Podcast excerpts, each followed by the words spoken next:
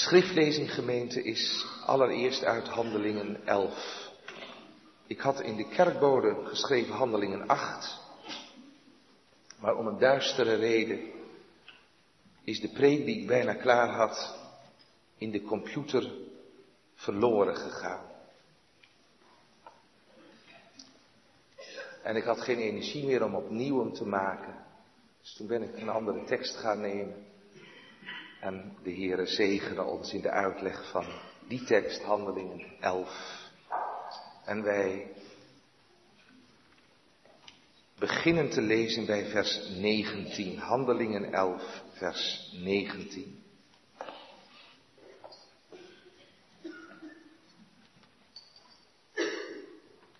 Degene nu die verstrooid waren door de verdrukking die over Stefanus geschied was, gingen het land door tot Fenicië toe en Cyprus en Antiochië, tot niemand het woord sprekende dan alleen tot de Joden. En er waren enige Cyprische en Cyreneïsche mannen, Hellenisten uit hen, welke te Antiochië gekomen zijnde spraken tot de Grieksen, de heidenen, verkondigende de Heere Jezus. En de hand des Heren was met hen en een groot getal geloofde en bekeerde zich tot de Heere. En het gerucht van hen kwam tot de oren van de gemeente die te Jeruzalem was. En zij zonden Barnabas uit dat hij het land doorging tot Antiochië toe. De welke daar gekomen zijnde en de genade Gods ziende, werd verblijd en vermaande hen allen dat zij met een voornemen des harten bij de Here zouden blijven. Want hij was een goed man en vol van de Heilige Geest en van geloof. En er werd een grote schare de Here toegevoegd. En Barnabas ging uit naar Tarsen om Saulus te zoeken. En als hij hem gevonden had, bracht hij hem te Antiochië. En het is geschied dat zij een heel jaar vergaderden in de gemeente. En een grote schare leerden. En dat de discipelen voor het eerst in Antiochië christenen genoemd werden. Tot zover de lezing uit het boek Handelingen. Wij lezen uit de brief van de apostel Paulus aan de gemeente van God te Efeze, het vierde hoofdstuk. Vanaf vers 1. Efeze 4 vanaf vers 1.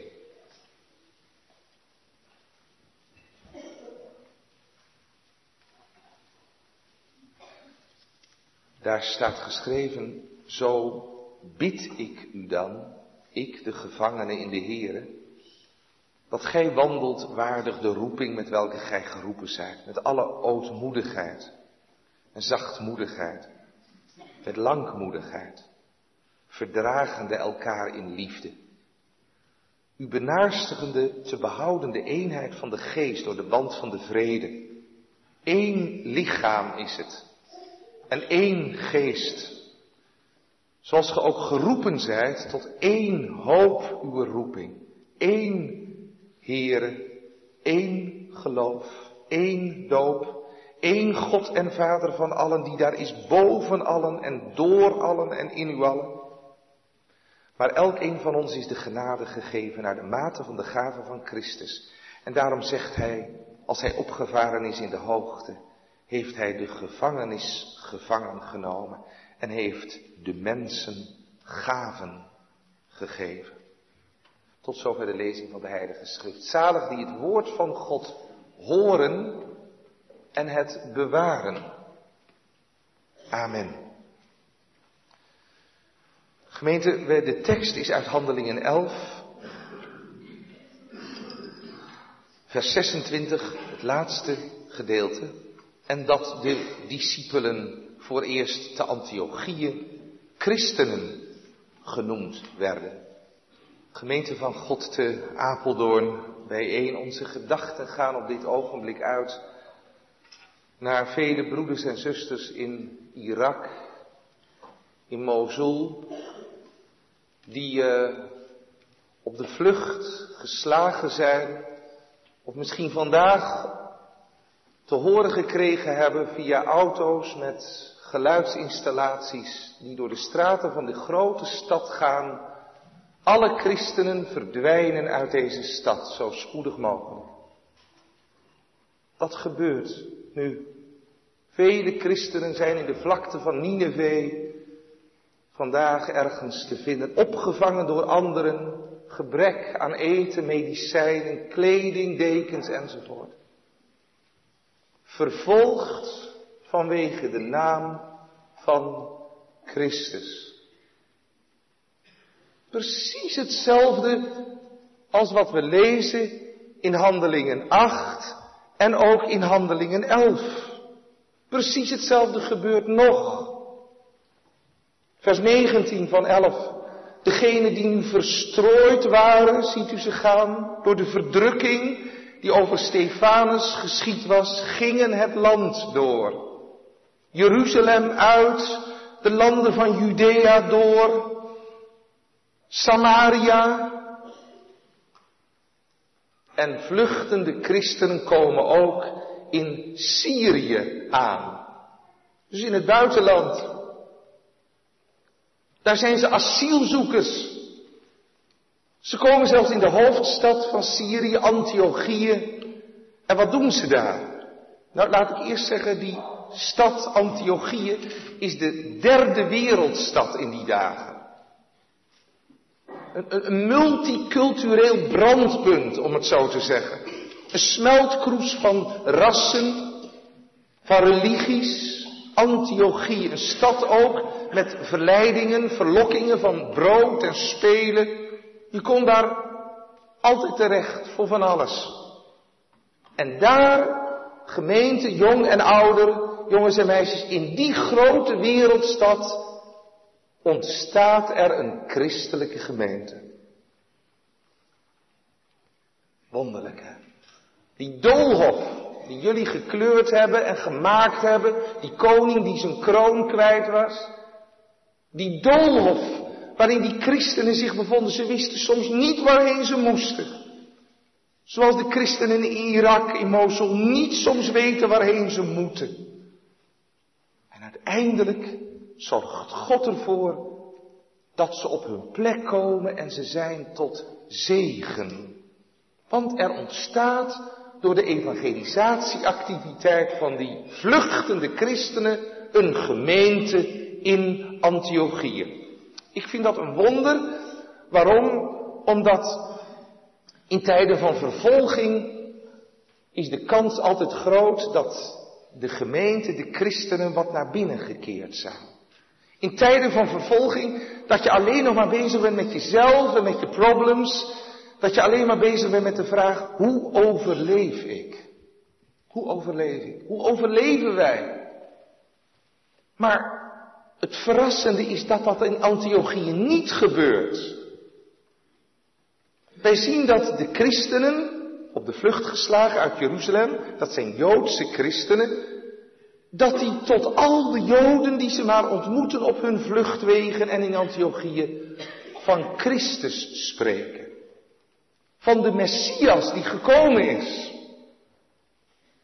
Die gestorven is op Golgotha voor onze zonde en, en, en die, die is opgestaan en die leeft en, en die, die gezeten is aan de rechterhand van God. De Joodse christenen, asielzoekers, verkondigen aan de Joden de Christus, de Messias, van wie de oude geschriften, het Oude Testament spreken. En dan lezen we in ons tekstgedeelte, schriftgedeelte, dat er ook andere christenen zijn die niet alleen meer tot de Joden evangeliseren, maar ook tot de Grieksen, de heidenen. Hé, moet u vasthouden. Ze gaan als het ware de grenzen over. Ook voor de heidenen is het goede nieuws van Jezus de Christus. Maar, en daar wil ik u op wijzen en jullie, er staat, zij verkondigen de Heere Jezus. De Curios Jezus. De Joden wordt onderwezen dat de Messias gekomen is, de Christus gekomen is, de Christus der Schriften. En aan de heidenen wordt gemeld dat Jezus Curios is, Here. Twee verschillende invalshoeken bij evangelisatie, bij gesprek met anderen. Ik zou kunnen zeggen, misschien in jouw situatie op je werk of onder je medestudenten, is het beter een ander taalgebruik en ook een andere invalshoek te gebruiken in het evangeliseren dan bijvoorbeeld onder je familieleden, wat kerkse mensen zijn. Onder de Joden de Messias, de Christus verkondigen, dat dat Jezus is, en onder de heidenen Jezus is Curios, Here, machthebber, gebieder. Verschillende invalshoeken in ons evangeliserend bezig zijn in de moderne samenleving van vandaag. Hier zie je het in Antiochië gebeuren. En velen komen tot geloof. Onder de Joden in Antiochië, maar ook onder de Grieksen, onder de heidenen. Ze komen tot geloof en ze vormen samen één gemeenschap, één gemeente. Geloven is een persoonlijke zaak. Maar het houdt ook gemeenschap in. Met elkaar gemeente zijn. Geweldig vind ik dat. Als ik Antiochieën voor ogen stel en ik zie daar die gemeente. Op dat grensgebied tussen Oosterse cultuur en Westerse cultuur.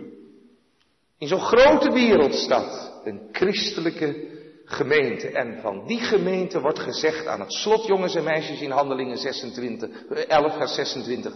En die christenen, of die groep volgelingen van Jezus, werden voor het eerst christenen genoemd.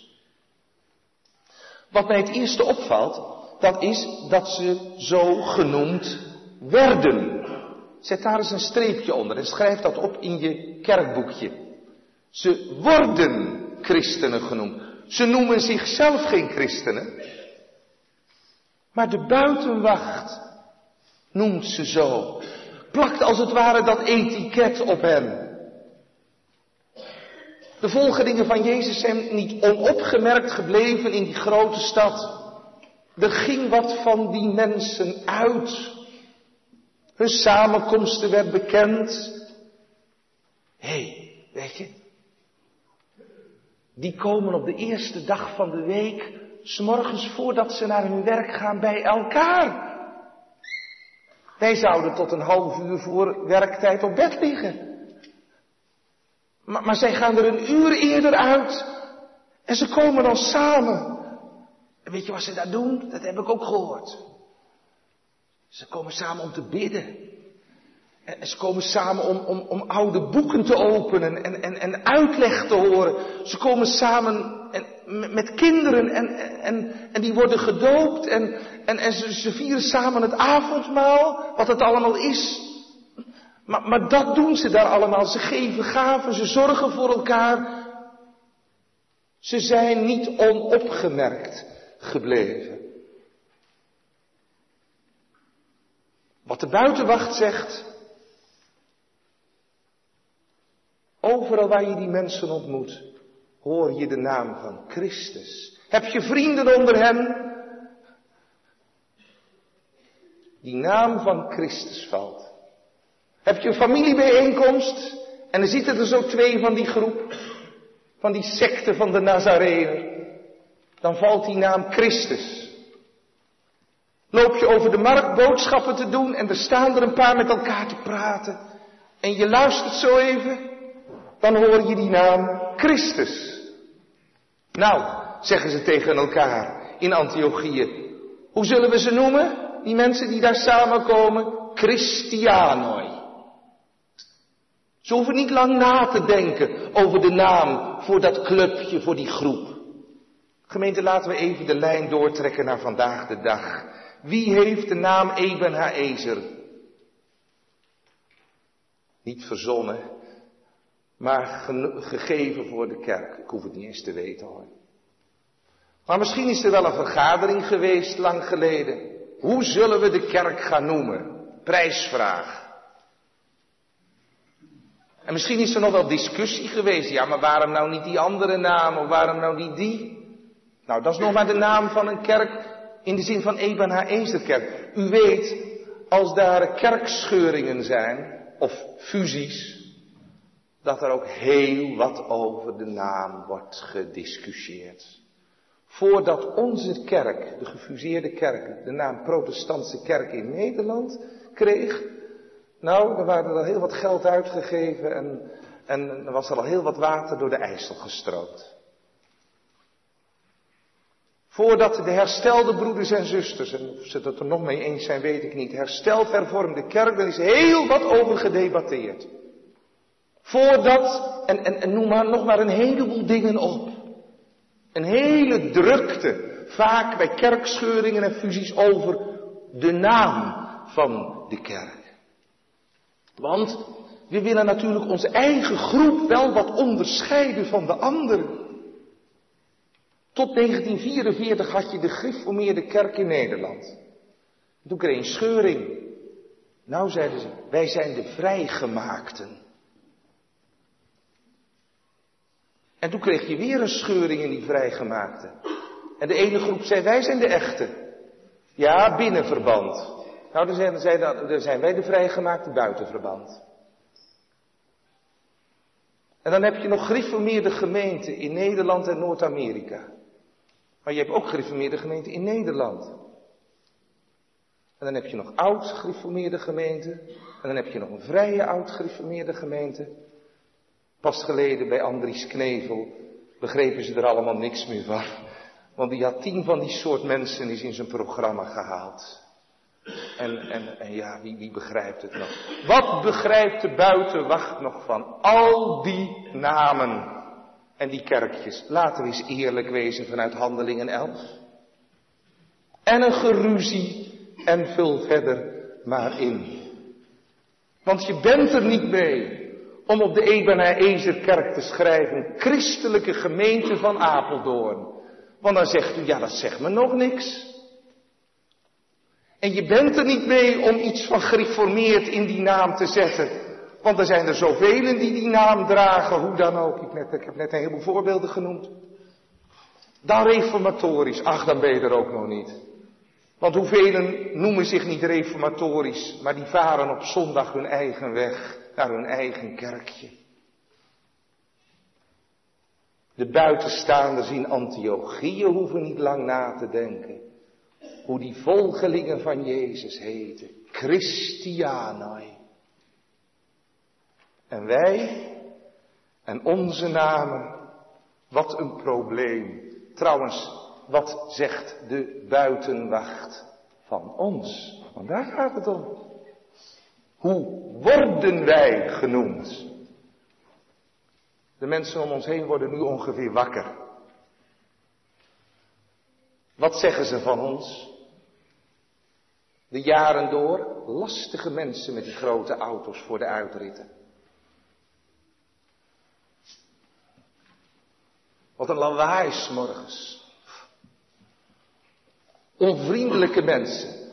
Als we de, de gordijnen open doen en ze komen de kerk uit, dan kan er geen eens een knikje. Nou, en, en, vul maar in wat ze van ons zullen zeggen. Ik weet het niet precies, maar zullen we er eens over nadenken? Of zeggen ze van ons, die mensen daar aan de zonnedouw, dat zijn Christianoi. Dat zijn christenen. Echt, wat je van ze zeggen kan, het zijn christenen.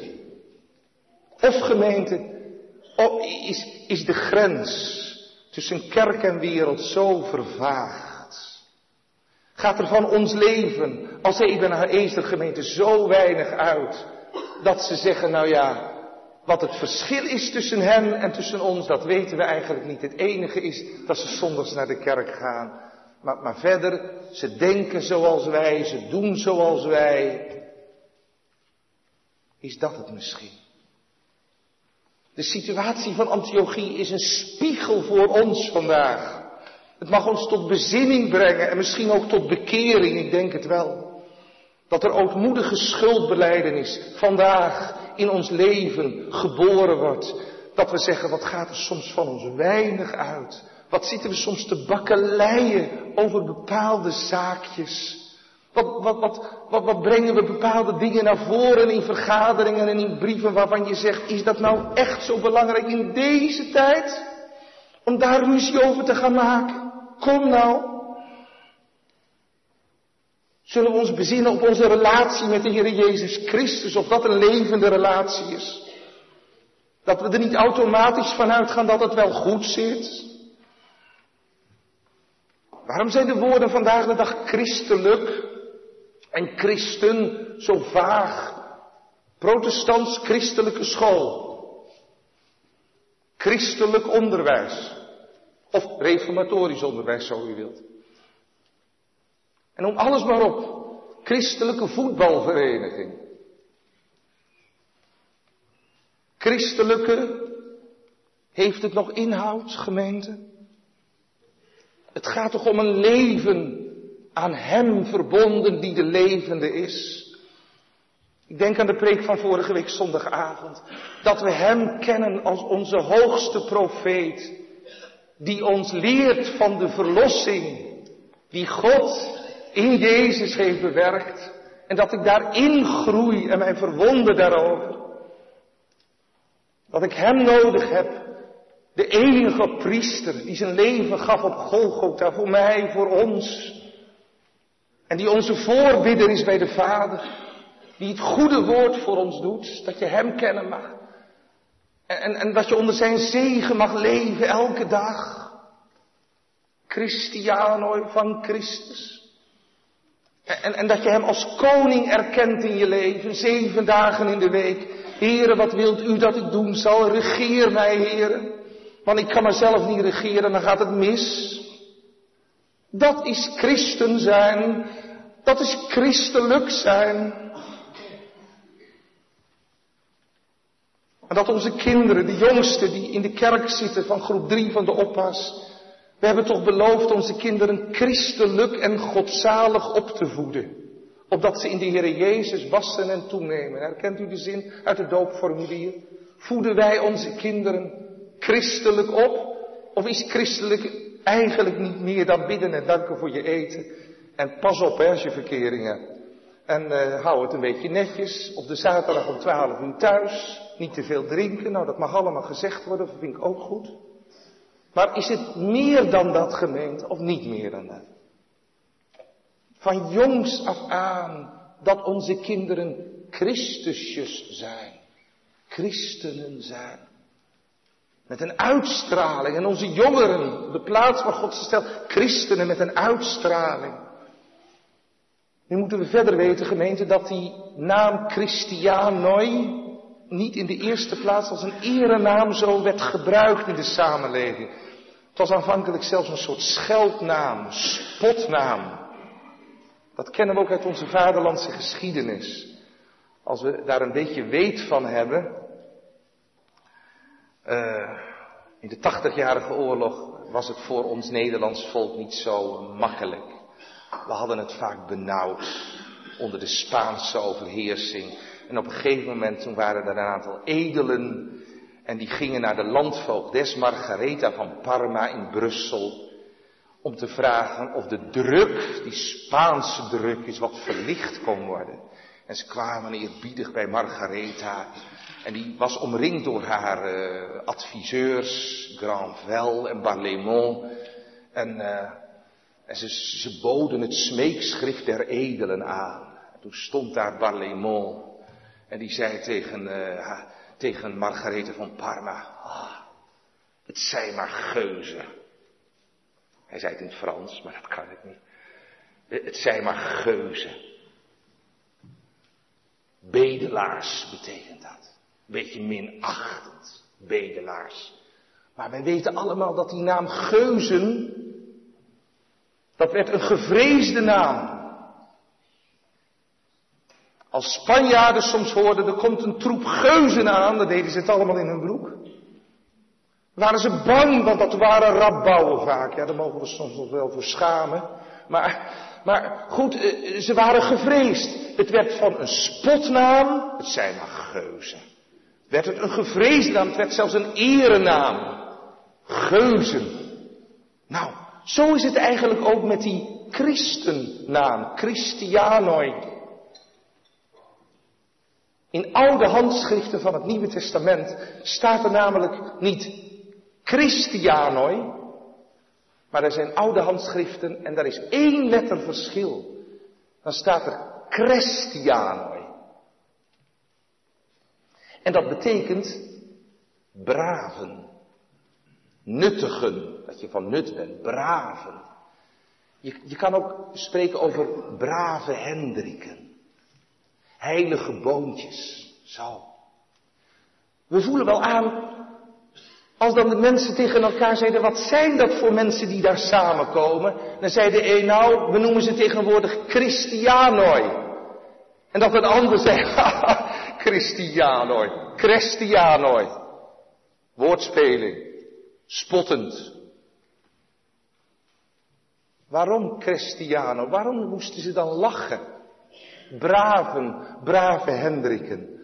Nou, gemeente, omdat die christenen in die dagen openbaar kwamen als mensen die op zich uiterlijk hetzelfde waren als de mensen in die dagen. Er is een brief bekend uit de tweede eeuw na Christus en daarin staat beschreven hoe christenen zijn.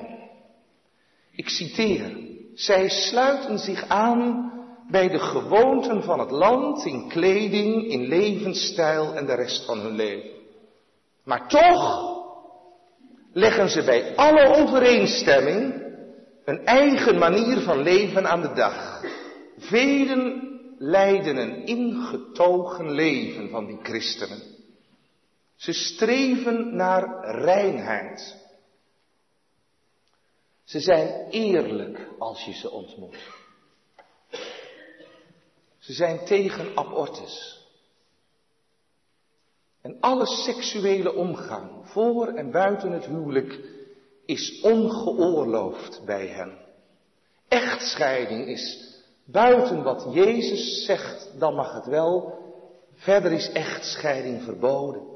Onder hen worden doden niet meer gecremeerd. Ze zorgen goed voor weduwen en wezen. En gehandicapten hebben het goed in hun midden.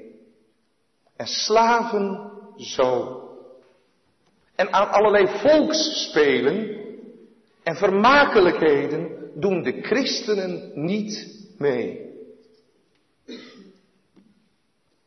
Dat is het beeld van christenen uit de eerste tijd, uit een heel oud geschrift.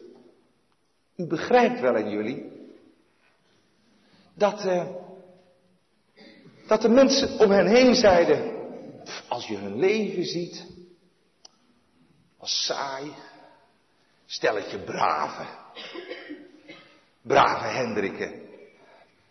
Waar je nou echt van kan genieten, daar genieten ze gewoon niet van. Stelletje heilige boontjes. Ze, ze, denken dat ze zeker beter zijn dan anderen. En, en beter zijn dan ons.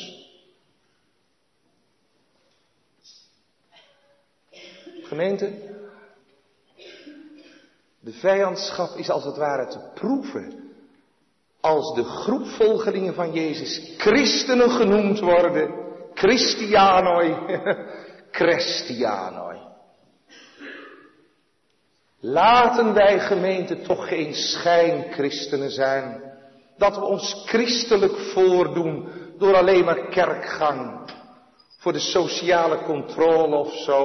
Of omdat je dan je plicht gedaan hebt. Dat voelt goed hier, dominee. Laten we niet alleen maar wat hervormd zijn. Of wat hervormd gereformeerd zijn. Of wat u ook wil. Laten we niet alleen maar wat reformatorisch zijn in woorden, in wat uiterlijkheden. Maar laten we het in werkelijkheid zijn. Dat we misschien wel een gedaante van godzaligheid hebben. Maar dat, dat we niet kennen de vernieuwende kracht van Jezus, van zijn offer en van zijn geest. Als we alleen maar schijnchristenen zijn, dan is het terecht dat de buitenwacht voor ons eigenlijk de neus ophaalt. Hier maakt de buitenwacht zich nog druk over een naam in Antiochië. Maar ik vraag me wel eens af, zou die buitenwacht hier zich nog druk gemaakt hebben over een naam voor onze kerk? Dat de buitenwacht nog geïnteresseerd is hoe nu de hersteld hervormde kerk heet? Dat daar de buitenwacht voor geïnteresseerd is? Of dat de buitenwacht geïnteresseerd is in de protestantse kerk in Nederland, hoe die nou genoemd zou worden? Ik, ik denk het helemaal niet. Ja, dat, dat zijn mensen die, nou ja, als je ze in de handel tegenkomt, of als je zelfs buren hebt, praat men er niet over. Zou het zo zijn, gemeente? Weet dat dit wat kritisch is, maar dit, dit komt toch tot ons vanuit Handelingen 11. Waarom wordt gij een christen genoemd?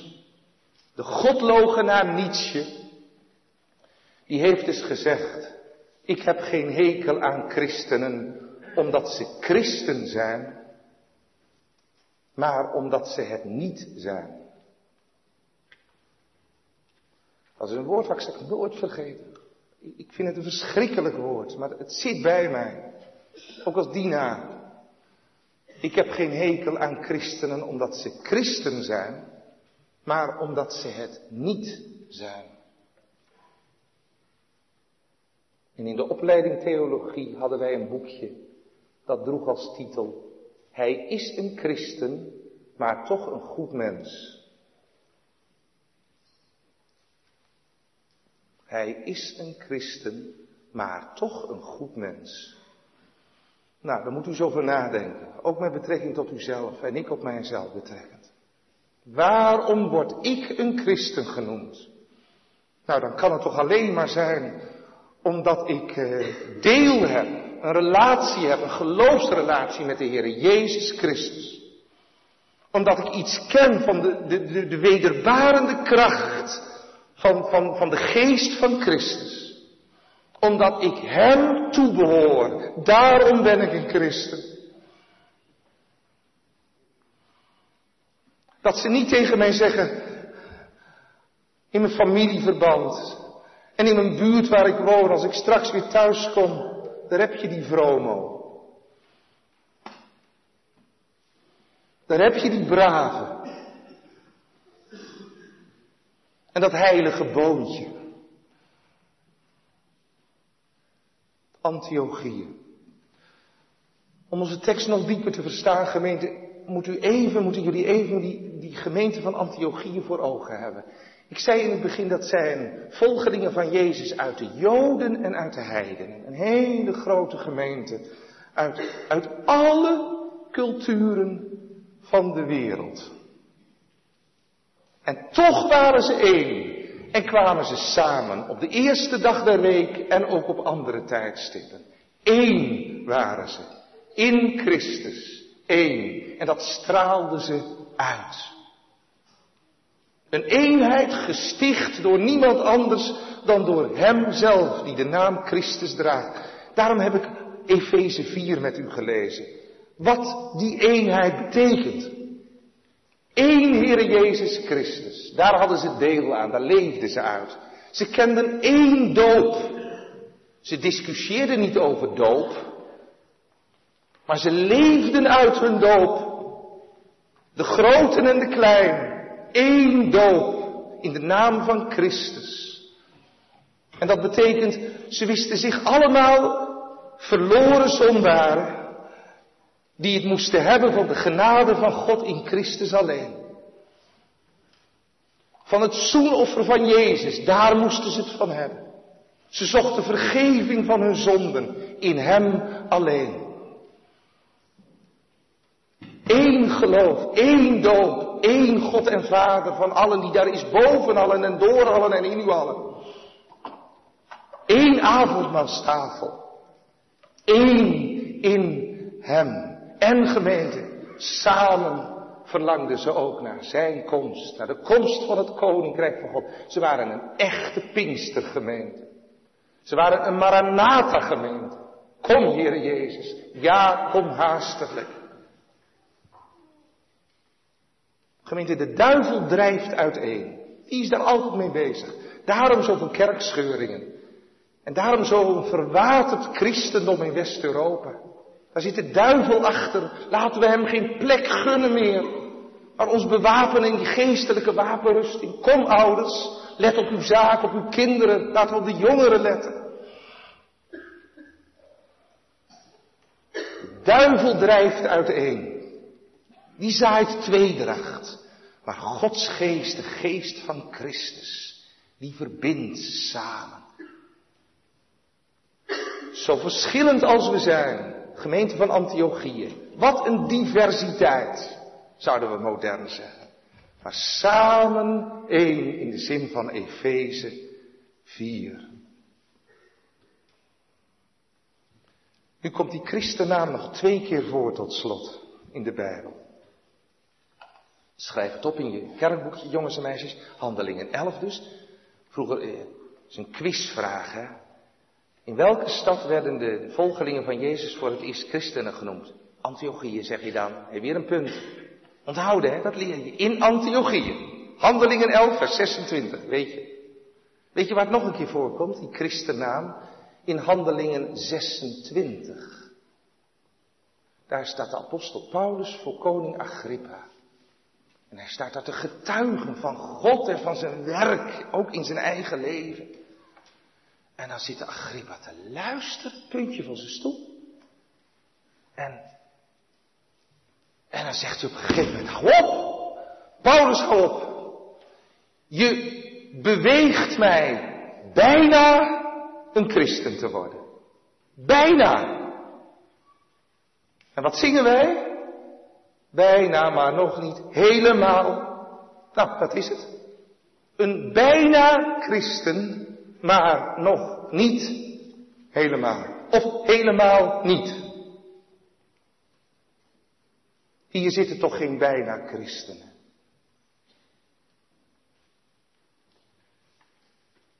Ik ken uw hart niet en jouw hart. Bijna christen.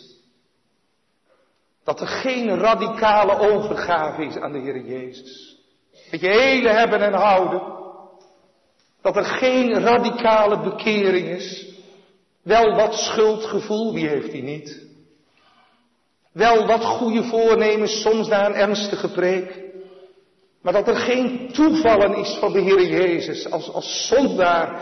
En dat je niet meer overhoudt aan, oh God, wees mij zondaar genadig. Dat je nog altijd vasthoudt aan je eigen leventje. Het zelf in handen willen houden. En het niet overgeven. Dat je voor een ander altijd nog de show ophoudt. En niet wilt buigen voor je naaste, de minste zijn. Wie voor God leert de minste te zijn, zal het ook voor zijn naaste zijn. Je kan geen twee levens erop nahouden. Christen zijn, niet bijna, maar van harte helemaal. Handelingen 26. En, en in 1 Petrus 4, vers 16 staat het nog een keer. Daar zegt de apostel, indien iemand lijdt als een christen, die verheerlijke God. En dan denk ik weer aan onze broeders en zusters in Mosul.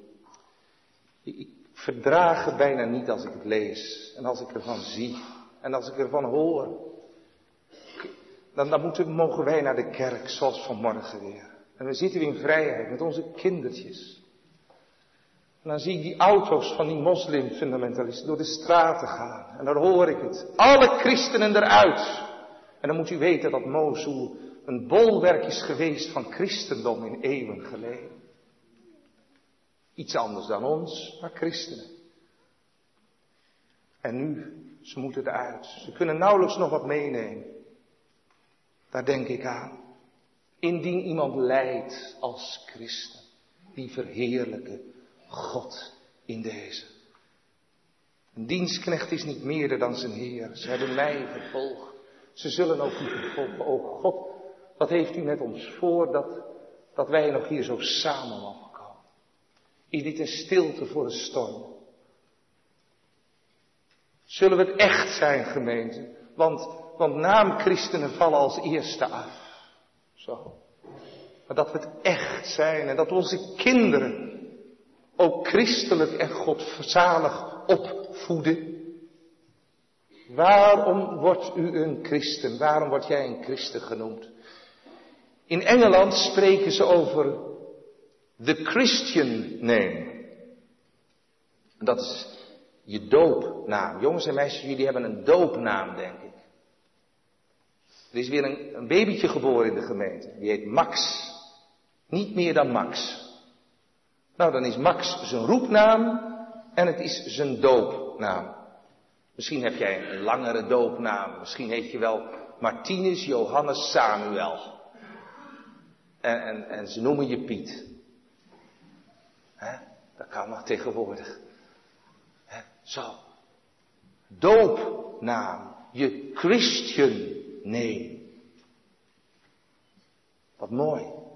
Zul je die Christian name, die doopnaam, gedoopt in de naam van Christus, zullen we die met ere dragen, gemeente? Dat die naam door ons wangedrag niet gelasterd wordt, maar geëerd en geprezen. Christian name, doopnaam, gedoopt in de naam van Christus, om die met ere te dragen. Naar Hem horen, de goede herder. Wandelen in Zijn weg. Een biedend leven, zoals Jezus ook telkens biedend gevonden werd. En dat de buitenwacht en in de buurt waar ik woon en op mijn werk en in mijn veelkleurige familie, dat ze zeggen, ik maak het heel persoonlijk en u vult het voor je, u persoonlijk in en jij ook. Je kunt van baasje heel wat zeggen. Maar het is een christen. O God, werk dat dat we een leesbare brief van Christus zullen zijn. Een leesbare brief. Je krijgt wel eens brieven.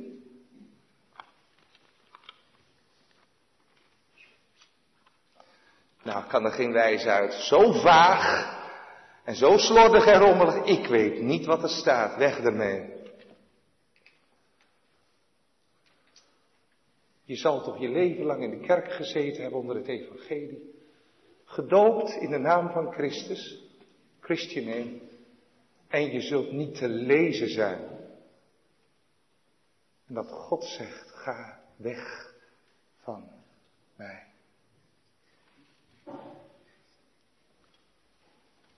Een leesbare brief van Christus met duidelijke letter geschreven tot eer van de Vader en van de Zoon en van de Heilige Geest en tot zegen voor je naaste. Amen.